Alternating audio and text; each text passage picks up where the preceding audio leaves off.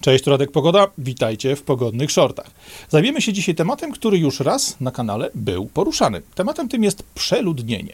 Jak sobie wspomnicie, e, na początek tego roku pojawił się tam materiał pod tytułem 90%. On miał na okładce taką bardzo sugestywną buteleczkę czystego płynu. Sami się domyślcie, co jest w środku. E, natomiast o ile w tamtym materiale zajmowaliśmy się raczej w kwestii przeludnienia tym, kogo do skreślenia z listy obecności na kuli ziemskiej wyznaczyli nam nasi władcy, nasze diabły z Davos i cała reszta ludzi, którzy funkcjonują w strukturach władzy, tej jawnej i tej ukrytej.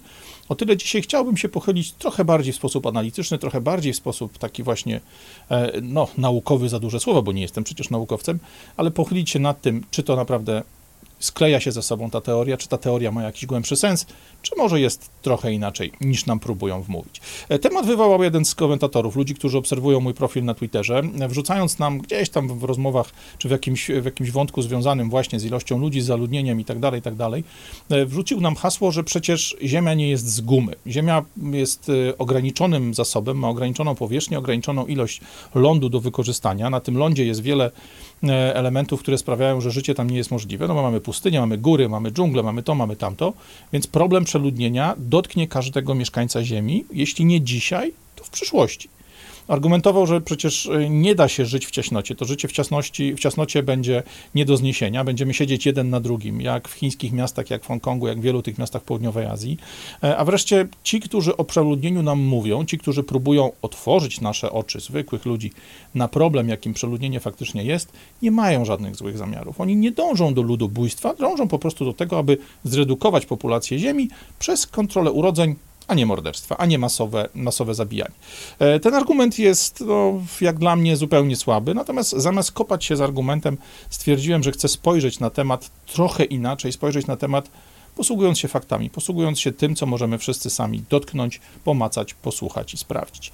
Będę opierał się w tym całym moim dzisiejszym wywodzie o moje własne doświadczenia. Podobnie jak w filmie e, o kolorach map pogody, ja po prostu wykonałem jakiś tam proces myślowy, poszukałem informacji, pogrzebałem też we własnym archiwum zdjęciowym, we własnych wspomnieniach, bo e, Prawda jest taka, że te własne doświadczenia to jest jedyny element, którego nie da się zafałszować. Przeciwnicy każdego poglądu, z którym próbujemy walczyć, szczególnie ci przeciwnicy, którzy są bardzo mocno um, zaangażowani w wiarę w rozwiązanie, o którym mówią, zawsze twierdzą, że nasze osobiste doświadczenia są nic nie warte jako metoda badawcza, no bo one są tylko tak zwanym dowodem anegdotycznym, e, że żeby cokolwiek sprawdzić, żeby cokolwiek stwierdzić, żeby zrobić jakąkolwiek sensowną analizę, trzeba brać dane z całego świata, trzeba ufać nauce, trzeba sięgać do danych historycznych, porównywać informacje źródłowe skądś tam z przeszłości i tak dalej, i tak dalej, i tak dalej. Tymczasem mnie życie nauczyło, że tak naprawdę jedynym właśnie typem danych, których nie da się sfałszować, których nie da się postawić na głowie i przedstawić w formie, która jest niezgodna z prawdą, to są rzeczy, których możemy my osobiście dotknąć, pomacać, polizać, posmakować, zobaczyć, jak to wszystko nam się prezentuje.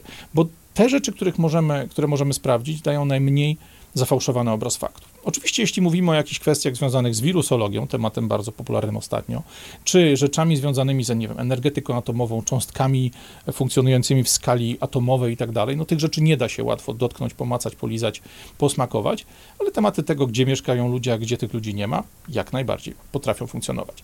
Co więcej, ostatnie trzy lata, lata pandemii, lata związane z tą dziwnym konfliktem ukraińskim sprawiają, że to ufanie własnym zmysłom, a nie przekazom tak zwanych naukowców, czy przekazom mediów. E, to są rzeczy, które coraz bardziej zyskują na znaczeniu. No bo abstrahując od tematów Dawida XIX, spójrzmy na sam temat związany właśnie z wojną na Ukrainie. Wiemy, że jest tam prawdziwa wojna, wiemy, że giną tam ludzie, że ludzie tracą tam zdrowie, tracą tam kończyny, stają się kalekami, stają się e, inwalidami wojennymi e, nie tylko w formie fizycznej, ale również psychicznej. To się dzieje, nie ma o czym tutaj dyskutować.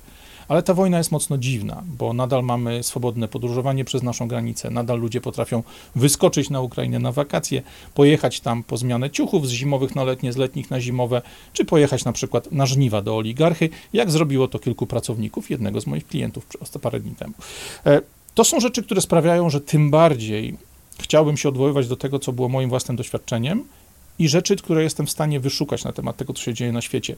Wyszukując pojedyncze informacje, sięgając do źródeł, sięgając do starych map, sięgając do aktualnych map, do rzeczy, które widać z kosmosu i tak dalej, ale rzeczy, które nie są obrobione, przemielone, przetrawione przez kogoś i podane mi w formie propagandowego komunikatu, który ma jakiś jakąś wersję czy jakąś wizję świata pokazywać od A do Z. Ja wolę łączyć kropki, ja wolę wyciągać wnioski, posługując się tym, co mam w głowie, tym, jaką mam inteligencję, jaki mam poziom wiedzy, doświadczenia, wykształcenia jestem w stanie parę rzeczy zbadać sobie e, samodzielnie. E, tak naprawdę skąd te doświadczenia się biorą? No, to mówiąc bardzo prosto, no ja przez e, ostatnie 20 parę lat, e, już prawie lat 30, e, podróżuję praktycznie po całym świecie i służbowo, i prywatnie e, i przez te moje podróże w najróżniejsze części świata miałem okazję przelecieć nad całą Azją, lecąc do Japonii, nad całą rosyjską, rosyjskimi pustkowiami azjatyckimi. Latając na półno- po Ameryce Północnej widziałem kawał północnej części Stanów Zjednoczonych, kawał Kanady, te miejsca, e, w które najlepiej właśnie z samolotu można ocenić. Latałem nad północną Afryką, latałem praktycznie nad całą Europą, od Hiszpanii po Szwecję. E, oprócz tego, że po Europie latałem, czy po, po Azji latałem, jeździłem tam pociągami, jeździłem wynajętym samochodem, wozili mnie ludzie, ja jeździłem sam, więc mogłem się zatrzymać w dowolnym miejscu, spojrzeć w najróżniejsze zakątki i tak dalej, i tak dalej dzięki tym moim doświadczeniom, doświadczeniom, których pewnie wy macie ogromną masę, czy z wyjazdów służbowych, czy z wyjazdów urlopowych, jesteśmy w stanie, moim zdaniem, sami wyrobić sobie pewne zdanie na temat tego, co widać dookoła nas. I do tych właśnie rzeczy, do tych mm, wniosków chciałbym się odwołać, jeżeli będziemy rozkminiali temat związany właśnie z przeludnieniem tych wszystkich moich podróży, i tych bliskich na teren Niemiec, Francji, Hiszpanii, i tych dalekich właśnie do Japonii, do Kanady, w miejsca, e, które brzmią egzotycznie i takie egzotycznie faktycznie są, mogę wyciągnąć jeden wniosek. W każdym, absolutnie każdym kraju, z Japonią, super zaludnioną Japonią, gęstą również, są miejsca, w których jest pusta przestrzeń. Istnieją ogromne, niezamieszkane i niezagospodarowane przestrzenie, ogromne, niezagospodarowane obszary, w których nic się nie dzieje. I nie mówię tutaj o pustyniach. Miałem okazję zobaczyć e, pustkowa syberyjskie, miałem okazję obejrzeć e, północ Kanady, tą pokrytą śniegiem, pokrytą wielkimi lasami, północną część Kanady. Ja nie mówię o tych regionach. Popatrzmy na to. Pamiętajmy o tym, że Sahara, Syberia, północna Kanada, Grenlandia, pustynia Gobi, Atakama, te wszystkie tereny, czy, czy wielka pustynia Wiktorii e, w Australii, to są tereny, pustynne, zarówno te gorące, jak i te lodowe, jak i te zimne, które w sumie, podliczone wszystkie razem, zajmują zaledwie około 19 do 23% powierzchni lądów, jakie funkcjonujemy, na jakich funkcjonujemy na Ziemi. Nawet ta różnica w procentach między 19 a 23 przy tych ogromnych obszarach, przy tych ogromnych liczbach, o których mówimy, to jest ogromna różnica, a ta różnica wynika z tego, że ci właśnie nieomylni naukowcy, ci właśnie nieumylni fachowcy od tematu populacji, od tematu przeludnienia, nie potrafią dogadać się między sobą, co już jest pustynią, a co jeszcze terenem półpustynnym, czy terenem tym pustynieniem zagrożonym. To wszystko jest płynne. Tu nie ma niczego, co jest twarde, tu nie ma niczego, co jest konkretne.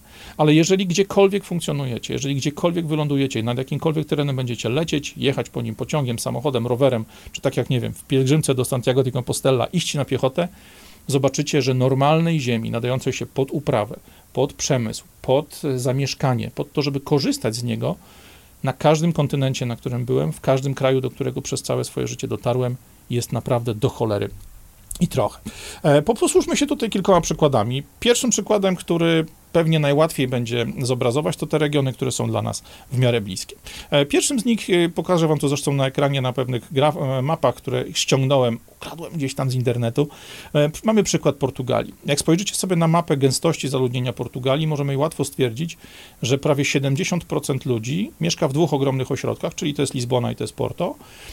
I poza tymi dwoma ośrodkami tak naprawdę masa przestrzeni, która, w którą Portugalia mm, obfituje, jest praktycznie niezamieszkana mieszkana. 70% ludzi zajmuje niespełna 30% powierzchni całego kraju. Co się dzieje na tych pozostałych 70% e, kraju? No tam są różnego rodzaju górki, mniejsze i większe. Tam są tereny, na których jest mniej wody, na które są mniej wygodne, mniej komfortowe i mniej ekonomicznie opłacalne do stosowania rolnictwa. To są miejsca, w których nie ma za bardzo dróg, w których nie ma za bardzo sieci kolejowych, w których jest daleko do wszelkiego rodzaju miast, miejsc pracy, przemysłu itd., tak itd. Ale nie jest to powierzchnia Księżyca, nie jest to syberyjska tundra, nie jest to Sahara. To są miejsca, w których nowoczesna technologia rolnicza, w których nowoczesna technologia nawadniania, naważania, zbiorów, zasiewów, jakby kontroli pestycydów, y, kontroli, Boże, szkodników i tak dalej, i tak spokojnie dałaby sobie radę. Mimo tego tylko 30% Portugalii de facto jest zamieszkane, tylko 30% terenu Portugalii jest wykorzystane tak, jak można by na maksa ją wykorzystać. W Hiszpanii sytuacja jest bardzo podobna. Tutaj mówimy o nawet bardziej hardkorowych cyfrach, bo e, prawie 80% powierzchni Hiszpanii jest niewykorzystane. Ludzie oczywiście mieszkają bardzo mocno, zaludniają bardzo mocno wybrzeża. Całe wybrzeże południowe to na Morzem e, Śródziemnym, jak i wybrzeża północne hiszpańskie e, przy Zatoce Biskajskiej, na, które mają w tym momencie dostęp do, bezpośrednio do Atlantyku, to są miejsca, gdzie bardzo dużo jest ludzi, zarówno tych, którzy tam mieszkają, jak i turystów, którzy przylatują w te miejsca, żeby korzystać z pięknego słońca, z pięknych plaż, z ciepłej wody, z tego wszystkiego, czego nie ma Bałtyk. E, ale oprócz tych terenów nadmorskich, oprócz tych terenów wybrzeża, w Hiszpanii zaludniona jest tylko samo serce kraju wokół Madrytu, bo tam faktycznie jest sporo pieniędzy, jest sporo przemysłu, dużo się dzieje, ale również rejony trochę bardziej na północny wschód, rejony Saragosy, to są miejsca, w których jest przemysł, to są miejsca, w których jest infrastruktura i tak dalej. Co jest ważne, mówimy o Hiszpanii, mówimy o kraju, który jest drugi na świecie, jeśli chodzi o ilość szybkiej kolei, po Chinach. Ten kraj jest fantastycznie skomunikowany. Jeśli komukolwiek z Was dało, jakby było, mieliście okazję dojechać do Hiszpanii, czy polecieć do Hiszpanii i poruszać się po kraju właśnie przy pomocy szybkich pociągów Renfe, albo przejeżdżać z Francji do Hiszpanii właśnie pociągami tymi wysokich prędkości. Tam jest bardzo fajne miejsce, bo na granicy francusko-hiszpańskiej zmienia się rozstaw szyn, więc pociąg jadący z Francji do Hiszpanii musi sobie kółka rozszerzyć, a pociąg wracający musi te kółka zwężyć, bo Francja ma układ taki jak Polska, 1435 mm, taką szerokość szyn, a w Hiszpanii te szyny są szersze, podobnie jak na granicy polsko-rosyjskiej i dalej dalej na wschód. Ale do tematu. Hiszpania, mimo fantastycznej sieci autostrad zbudowanych za ogromne unijne pieniądze, kiedy Hiszpanie wchodzili do Unii, najlepszej sieci kolejowej, jeśli chodzi o koleje wysokich prędkości w Europie, mimo tego wszystkiego, wszędzie tam, gdzie, te, gdzie ta infrastruktura kolejowa, infrastruktura samochodowa nie dociera, Hiszpania jest praktycznie pusta. Jak popatrzymy sobie na taki region, jak, który nazywa się Serania Celtiberica. To jest rejon, który ma, region, który ma powierzchnię w kilometrach kwadratowych porównywalną z Irlandią, czyli Republiką Irlandii, e, oraz stanem West Virginia w Stanach. E, West Virginia, zachodnia Virginia ma populację rzędu 1 800 milionów mieszkańców. Serania Celtiberica 500 tysięcy ludzi. Irlandia która nie zajmuje całej wyspy Irlandii, tylko zajmuje fragment i musi się dzielić z Irlandią Północną. Sama Republika Irlandii ma 5 milionów mieszkańców, ale akurat tę wyspę też doskonale znam, bo zjeździłem ją zarówno prywatnie, jak i służbowo wzdłuż i wszerz, od Cork po e, Giants Causeway na północy, czyli Groble Olbrzymów, od Maisenhead najbardziej na zachód, w Atlantyk wystający fragment e, lądu, aż po Belfast w Irlandii Północnej. Irlandię zjeździłem z góry w dół, kręcąc się po autostradach, kręcąc się po bocznych bocznych drogach, dojeżdżając wiele miejsc atrakcyjnych, zarówno turystycznie, jak i miejsc, w których mają po prostu jakieś spotkania biznesowe.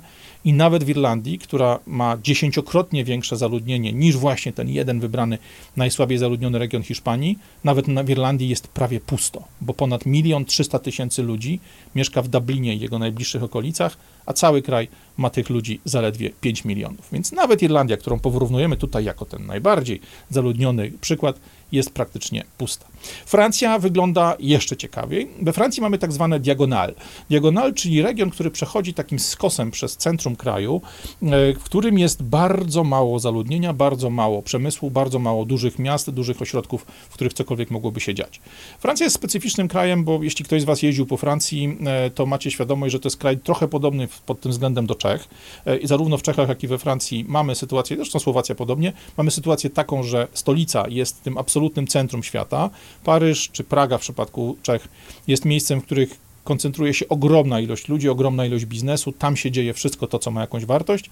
No a poza Pragą jest jeszcze kilka drobnych miast, miast wyraźnie mniejszych w Czechach, kilka, to sama sytuacja właśnie we Francji, poza Paryżem mamy tylko kilka ośrodków, takich jak Marsylia, jak Lyon, e, i które są faktycznie znaczące. Ta sama sytuacja zresztą jest w Irlandii, o której już mówiliśmy. Dublin, największe miasto, milion trzysta tysięcy mieszkańców.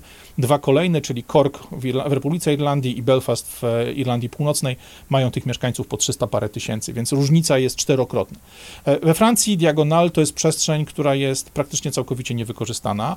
Jeżeli popatrzymy sobie na średnią gęstość zaludnienia na terenie całej Francji, mamy w tym, osiągamy w tym momencie e, wartość 120 osób na kilometr kwadratowy. Francja jest ogromnym krajem, e, więc ta, ta gęstość zaludnienia też e, może być tutaj lekko, lekko zwodnicza, ale jeśli porównamy te 120 osób na kilometr kwadratowy w całej średnio Francji z obszarem diagonal, z obszarem tego właśnie przez tej przestrzeni słabo zaludnionej, to w diagonal ta wartość jest czterokrotnie mniejsza. Tylko 30 osób na kilometr kwadratowy. Porównajmy to z innymi miejscami na, na mapie Europy. Porównując to z Niemcami, Niemcy średnio mają 232 km, znaczy, przepraszam, 232 osoby na kilometr kwadratowy, a Anglia, z wyłączeniem Szwecji, y, Szkocji, z wyłączeniem Walii i Irlandii Północnej, sama Anglia ma to za gęstość zaludnienia na poziomie 270 ludzi na każdy kilometr kwadratowy. Jak spojrzymy sobie na jeden, tak samo jak w przypadku Hiszpanii, na ten najsłabiej zaludniony region we Francji, to mimo tego, że ten region Lozère jest wielkościowo podobny do Palestyny, e, to w regionie Lozer mieszka 76 tysięcy ludzi, gdzie w Palestynie na takim samym praktycznie obszarze kilometrowym mieszka 5 milionów. Co więcej, gdybyśmy całą populację regionu Lozer zapakowali w jakieś samoloty, samochody, autobusy, wywieźli do Anglii, to wszystkich ludzi mieszkających na terenie porównywalnym powierzchniowo z Palestyną dałoby się spokojnie posadzić w super wygodnych warunkach na jednym stadionie w Londynie, na stadionie Wembley. Co więcej, na tym stadionie zostałoby jeszcze 16 tysięcy wolnych miejsc, bo stadion Wembley mieści 90 tysięcy widzów. Widzimy więc, że nawet w Europie te wartości są szalone. Jak spojrzymy sobie na wschodnie Niemcy, jak spojrzymy sobie na ogromne tereny, też na ogromną ilość terenów również w Polsce, e, szczególnie w tej Polsce wschodniej, mm, e, gdzieś tam w regionach między Bielskiem Podlaskim, między Lublinem i, i wyżej na, na, Mazurach, w okolicach Białego Stoku i tak dalej, i tak dalej, również w Polsce są takie miejsca, gdzie całymi kilometrami nie ma ludzi, gdzie całymi kilometrami nie ma nawet gospodarstw rolnych, po prostu są nieużytki, są, jest ziemia jest przestrzeń niewykorzystana. Ale tu, żebyśmy się nie skupiali tylko i wyłącznie na Europie, ja chcę się posłużyć takim właśnie metodą szkiełka i oka, rzeczą, która jest niedyskutowalna, która nie wymaga oglądania, nie wymaga jakiejś specjalnej narracji. Posłużymy się mapami, e, które są tworzone przez NASA na podstawie nocnych zdjęć powierzchni Ziemi robionych ze stacji kosmicznej tudzież satelitów. Musimy sobie zdawać sprawę, że te zdjęcia są e, zmontowywane z tysięcy fotek pojedynczych, no bo w danej nocy, kiedy stacja orbitalna przelatuje nad terenem Brazylii, nad terenem Niemiec czy nad terenem Polski, czy, są to, czy robią to satelity, w danej nocy może się okazać, że nad konkretnym miejscem jest na przykład chmura, no więc w to miejsce trzeba wziąć zdjęcie z innego dnia, kiedy akurat ten, ten fragment jest bezchmurny, kiedy można zobaczyć, co się faktycznie dzieje na powierzchni Ziemi i te zdjęcia gdzieś tam mozolnie składać. Spójrzmy sobie na te fotki, bo one cudownie pokazują e, to, gdzie faktycznie po ilości światełek mamy zaludnienie, gdzie faktycznie mamy działalność człowieka, gdzie ktoś mieszka, pracuje, ma swoje gospodarstwo rolne, ma swoją jakiś kawałek centrum swojego życiowego interesu gdzie mamy miejsca puste. E, na tej mapie całego świata to, co widać przede wszystkim, to oczywiście te wielkie pustynne tereny. Widać Saharę, widać pustynię Gobi, widać kompletnie puste regiony arktyczne, zarówno te na Antarktydzie, jak i właśnie e, tą pozawybrzeżową część Grenlandii, północną część Kanady, e, Syberię i tak dalej, i tak dalej. To wszystko widać. Tam nie ma ruchu, tam nie ma życia, tam nie ma światełek. Widać też ciemne plamy w miejscach, w których mamy problem w drugą stronę, kiedy to nie brak możliwości osiedlania się, ale nadmiar przyrody, nadmiar warunków naturalnych sprawia, że to życie dla człowieka jest bardzo uciążliwe. To mówimy oczywiście o Amazonii, mówimy o równikowej części Afryki. E, tam te zasoby przyrody są bardzo cenne, no więc pewnie nie do końca chcielibyśmy, żeby aż specjalnie dużo ludzi tam się właśnie osiedlało, ale prawda jest taka, że poza tymi kilkoma regionami pustynnymi, poza tymi kilkoma regionami, które są po prostu pokryte bardzo gęstą, zbitą roślinnością równikową, praktycznie cała reszta świata nadaje się do mieszkania. Nawet jeżeli nie jest to miejsce super wygodne, jak powiedzmy zupełnie płaskie tereny Holandii czy wiele innych regionów tego typu na świecie, czy sawanna, to da się tam zamieszkać z nowoczesną technologią rolniczą, z nowoczesną techniką e, budowania dróg, kolei i całej reszty. Można spokojnie w tych regionach zmieścić masę, masę, masę ludzi. Ale popatrzmy sobie po kolei na regiony, popatrzmy sobie, co widać na tych naszych mapkach e, właśnie robionych przez NASA w nocy zdjęć e, powierzchni Ziemi i tego, co widać na światełkach. Spójrzmy na teren Stanów Zjednoczonych i Kanady. Tutaj nie tylko widać, że północna część Kanady, poza tym pasem, który idzie wzdłuż granicy amerykańsko-kanadyjskiej, jest praktycznie pusta, ale na, te, na mapie samych Stanów Zjednoczonych widać jakby linię prostą, która e, odzwierciedla mniej więcej e, setny południk. E, i w tym momencie ten setny południk to jest miejsce, które, czy tam to jest ta granica taka umowna, która oddzielała tak zwaną część zachodnią Stanów Zjednoczonych, czyli Dziki Zachód, ten, te przestrzenie puste, które były e, odbijane od rdzennych Indian dużo, dużo później niż Wybrzeże Atlantyckie, od części właśnie wschodniej, od części, na której mamy Nowy Jork, Boston, Filadelfię, Waszyngton, te wszystkie wielkie miasta części wschodniej Stanów Zjednoczonych. Ta linia do dzisiaj jest widoczna, ta linia do dzisiaj sprawia, że za, jakby zaludnienie zachodniej części Stanów Zjednoczonych od setnego południka w stronę Pacyfiku jest dużo, dużo niższe niż po stronie wschodniej. Oczywiście od tej linii w stronę Pacyfiku mamy góry skaliste, ogromny masyw, no niewyobrażalny dla Europejczyka, jeśli chodzi o zarówno teren, jaki zajmuje, jak i wysokości, problemy, które są tam z przeprowadzeniem infrastruktury drogowej, kolejowej, całej reszty. Ale to właśnie w Stanach udało się tę kolej przeprowadzić od Atlantyku do Pacyfiku, udało się stworzyć mm, e, całą sieć autostrad Interstate. I tak naprawdę, jeśli jest potrzeba, jeśli jest pieniądz, jeśli jest zainteresowanie, to właśnie Stany Zjednoczone i Chiny są najlepszymi miejscami, które pokazują, że jeśli ktoś chce, jeśli ludzkość chce, to da radę. Idźmy dalej. Patrzmy teraz na Europę. Tu oczywiście widać to, co pokazywałem już na tych zmodyfikowanych komputerowych mapach Hiszpanii, na zmodyfikowanych komputerowych mapach Francji. Widzimy wielkie miasta i widzimy ogromne, puste przestrzenie dookoła nich, gdzie mamy tylko pojedyncze małe kropeczki niewielkich miejscowości, jakichś miasteczek, jakichś wioseczek i tak dalej, i tak dalej. Ta pusta Francja, ta pusta Hiszpania, czy tam właściwie ten pas diagonal przez środek Francji i pusta, pusty obważanek wewnątrz Hiszpanii może nam tutaj dać dużo do myślenia. Ale okej, okay, powiedzmy sobie szczerze, Europa wymiera, wszyscy słyszymy, że mamy problemy demograficzne, popatrzmy w miejsca, gdzie tej ludności jest znacznie, znacznie więcej. No i tu oczywiście dwa najlepsze adresy, jeśli chodzi o tereny maksymalnie zaludnione, no to Chiny i Indie. Spójrzmy na same Indie. Największe skupisko ludności w Indiach mamy na północy, przy granicy z Pakistanem. E, tam są ogromne miasta. Jeśli byśmy sobie popatrzyli na mapę taką właśnie obrobioną komputerowo, okazuje się, że około połowa ludności Indii mieszka powyżej linii, która nam wynika tutaj z tego cienia, e, a na południu znowu większość ludzi siedzi e, w terenach przy, przybrzeżnych, tam na wybrzeżu, gdzie jest dostęp do morza, gdzie są porty, gdzie jest rybołówstwo, gdzie jest ta, te życie biznesowe dużo mocniejsze.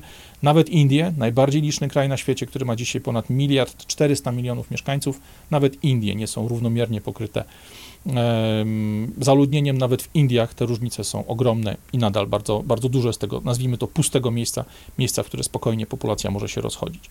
W Chinach sytuacja bardzo podobna.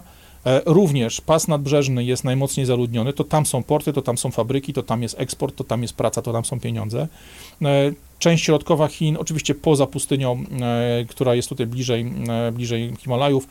Ogromna część powierzchni Chin to są tereny, które spokojnie można wykorzystać pod rolnictwo, zarówno to mocno intensywne, wspomagane nawozami, jak i tradycyjne, ale z tego, z tych rolniczych regionów ludzie płynęli do miast, no bo Chiny rozwijały się przez ostatnie dziesięciolecia tak szybko, że potrzebny była każda ilość pracowników, każda ilość ludzi, którzy mogą pracować na budowach, mogą pracować przy właśnie tworzeniu infrastruktury, czy po prostu w fabrykach, w portach, w instytucjach związanych z handlem, z logistyką, więc był ogromny odpływ ludzi ze wsi do miast. Te wsie chińskie dziś są prawie puste, tam można się osiedlać, tam naprawdę ogromna ilość ludzi spokojnie mogłaby znaleźć dla siebie miejsce do życia, Ży, e, że tak powiem, jedzenie, e, zasoby do tego, żeby normalnie funkcjonować. Tam, nawet tam, nawet w Chinach, nie ma przeludnienia. Co więcej, jest to populacja, która też już opada, też ze względu na durnowatą politykę demagogów w tej chwili przenosi, czy tam przeżywa potworne problemy. E, na koniec zostawiłem sobie dwie mapki, które są wyjątkowo ciekawe. Pierwsza z nich, przy pierwszą z nich jest nocne zdjęcie Argentyny. Zwróćcie uwagę, że oprócz ogromnych miast mamy też bardzo charakterystyczne, regularne, proste linie z rozmieszczonymi we w miarę równych odległościach miasteczkami. E, jak sobie spojrzymy na to właśnie na tych zdjęciach robionych z kosmosu, to nam się to wyda mocno dziwne. Ale wystarczy, że porównamy tą, ten nocny obraz Argentyny z mapą kolejową Argentyny i co się nam nagle okazuje? Okazuje się, że człowiek mając cel, mając jakąś strategię rozwoju, może spokojnie zaprogramować miejsca, w których tworzy się skupiska ludności, po prostu doprowadzając tam drogę, doprowadzając tam kolej, budując porty na rzekach, budując możliwości dla, e, dla zwykłych ludzi tego, żeby mogli tam mieszkać, żeby mogli tam pracować, zarobić na chleb i po prostu się utrzymać. To samo możemy zobaczyć, jeżeli przełożymy sobie tą mapkę e, kolejową na mapę, na nocną mapę Rosji.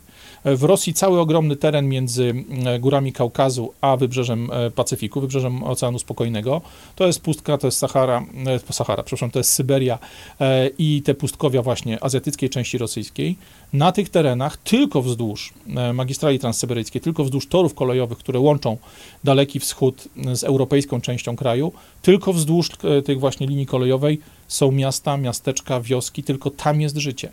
Na całej reszcie tego obszaru praktycznie nie ma infrastruktury, nie ma dróg, nie ma mostów, nie ma miast, nie ma kolei, nie ma lotnisk, tam jest pusto. W związku z tym te tereny są praktycznie puste. E, jak więc, co z tego wszystkiego wynika? Jakie wnioski możemy z tego wyciągnąć?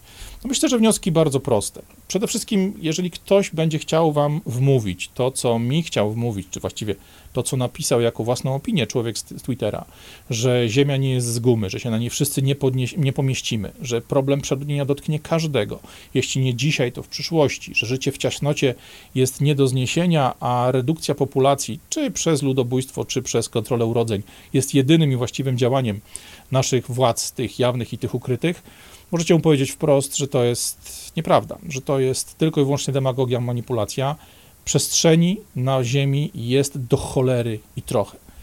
Pytanie natomiast się pojawia oczywiste, cui bono, komu to służy, czemu to służy, jaki jest tego cel. No i tak naprawdę tu wniosek jest bardzo prosty. Jak zwykle i jak zawsze celem jest kontrola i celem jest władza. Tej władzy utrzymanie lub zdobycie, a jak się zdobędzie, to utrzymanie aż do końca świata. Pomyślmy sami, Gdyby tylko 5 do 10% wydatków, które wszystkie państwa świata poświęca, wydają na zbrojenia, na mm, wojsko, na wszelkiego rodzaju rzeczy związane właśnie z wojną, z tym wszystkim, co służy tylko i wyłącznie zniszczeniu, ale utrzymaniu władzy utrzymaniu kontroli, gdyby tylko 5 do 10% budżetów wojskowych przeznaczyć we wszystkich krajach świata na rolnictwo, na promocję e, tego, żeby ludzie się osiedlali w miejscach, które są dzisiaj puste, na pozyskanie nowych źródeł wody pitnej, czystej wody, albo na oczyszczanie wody, na budowanie dróg, na budowanie portów rzecznych, na budowanie kolei, na budowanie portów morskich, na łączenie tych wszystkich elementów infrastruktury w sieci, sieci, które sprawiają, że można się po takiej części, niezamieszkanej części kraju sprawnie poruszać, sprawnie tam dojeżdżać, żyć tam, mieszkać, pracować, zarabiać na siebie. Gdyby te ta infrastruktura sprawiała, że w tych obszarach dzisiaj nietkniętych ludzką stopą dałoby się wygodnie osiedlić, dałoby się tam wygodnie żyć. A gdybyśmy do tego pieniądze, które dzisiaj rozdajemy za bezdomność w miastach, za to, że ludzie siedzą na socjalu, no to co się dzieje w tej chwili w, państw, w miastach Stanów Zjednoczonych, gdzie mamy problem z y, narkotykami, fentanolem, który jest dostępny praktycznie dla wszystkich i tak dalej. Gdyby pieniądze, które wydajemy na ten, e, na ten socjal, przekierować do tych samych ludzi, ale pod warunkiem tego, że osiedlą się w miejscach, w których zależy, żeby, żeby nam zależy, żeby oni mieszkali, żeby zaczęli tam tworzyć coś, co jest z pożytkiem dla nich samych i dla społeczeństwa, żeby tam powstawały warsztaty, żeby tam powstawało rzemosło, żeby ci ludzie zajmowali się rolnictwem, wytwórstwem czegokolwiek, co jest przydatne dla nas wszystkich, to przeludnienie tak zwane stałoby się wielkim atutem, a nie problemem krajów, które dzisiaj muszą z nich walczyć. Jaki jest z tym wszystkim problem? Problem jest tylko jeden. Ludzi rozproszonych dużo trudniej i dużo drożej się kontroluje. A gdyby jeszcze pozwolono tym ludziom wypędzonym z tych miast, gdzie mieszkają w jakichś sklejonych e, z blachy czy kartonu w lepiankach, gdzie śpią na ulicach, gdzie załatwiają się na progu normalnych obywateli, którzy płacą na nich podatki, gdyby tych ludzi przesiedlić albo zaproponować im jakieś rozwiązanie, które byłoby dla nich atrakcyjne, żeby osiedlili się na prowincji, w tych miejscach, gdzie nic się dzisiaj nie dzieje, Gdyby pozwolić im produkować własną żywność, gdyby pozwolić im produkować własną żywność na własnej ziemi, na przykład, tak jak to było normą w XIX wieku na terenie Stanów Zjednoczonych, no to nie byłoby to takie wygodne dla naszych władców, zarówno tych oficjalnych polityków w garniturkach i niebieskich koszulach, jak i tych nieoficjalnych, tych z branży finansowej, z funduszów asset management, gangu z Davos i wielu, wielu innych szatanów. Bo ludzi, którzy produkują własną żywność i mieszkają na własnej ziemi, dużo trudniej jest przekonać, że świat nie wygląda tak, jak wygląda. Dużo trudniej jest im wmówić, że mają nie mieć niczego i być szczęśliwi. I to jest moim zdaniem jedyny powód takiego, a nie innego działania gangu z Davos, takiego, a nie innego działania polityków z całego świata. Nie mamy problemu z przeludnieniem. Nie mamy problemu z tym, że zabraknie dla nas zasobów. Ludzkość jest mądra. Ludzkość potrafi wymyślić nowe metody w miejsce tych, które już się dzisiaj nie sprawdzają. Jeśli brakuje nam jakiegoś jednego elementu, który stanowił część naszego życia, znajdziemy inny, który to miejsce wypełni, które to miejsce zastąpi. To, co się dzieje dzisiaj, to jest po prostu walka o kontrolę i władzę. I o to toczy się cała gra. Mam nadzieję, że ten długi, długi materiał trochę Wam otworzył oczy. Jeśli macie własne doświadczenia związane właśnie z tym oglądaniem pustych terenów, terenów, w których spokojnie można by się rozgościć, zrobić tam jakąś produkcję żywności, jakąś produkcję przemysłową, miejsce do życia, miejsce do mieszkania dla ludzi, podzielcie się proszę tymi doświadczeniami w komentarzach. Spójrzcie też na stare materiały na kanale, na ten właśnie o tytule 90%, który mówi o tym, kogo i w jakiej kolejności będzie się usuwało ze świata, jeśli pozwolimy tym bandytom na górze robić to, co chcą. Spójrzcie też na parę innych materiałów związanych właśnie z tym, jak świat zmieniany jest przed naszymi oczami i w jaki sposób, posługując się manipulacją, propagandą, mediami, wciskają nam do głowy, ale nie tylko nam, tym ludziom młodszym, dużo mniej doświadczonym, którzy nie widzieli, tak jak ja, ogromnej ilości świata na własne oczy. Dlaczego tak łatwo przy pomocy portali, artykułów, e, przy pomocy filmików, Netflixów, seriali i innych rzeczy, czasami zupełnie wymyślonych, zupełnie nieprawdziwych, można zmanipulować ludzi, żeby łykali takie bullshit. A jeśli ktoś jeszcze wyskoczy do Was z hasłem depopulacji, z hasłem przeludnienia, ułóżcie mu ten materiał, albo po prostu wykorzystajcie ten arsenał, tę amunicję, którą dałem Wam do ręki. Dziękuję Wam bardzo za wytrzymanie ze mną ponad pół godziny. Trzymajcie się. Na razie. Radek Pogoda, pogodne shorty. Cześć.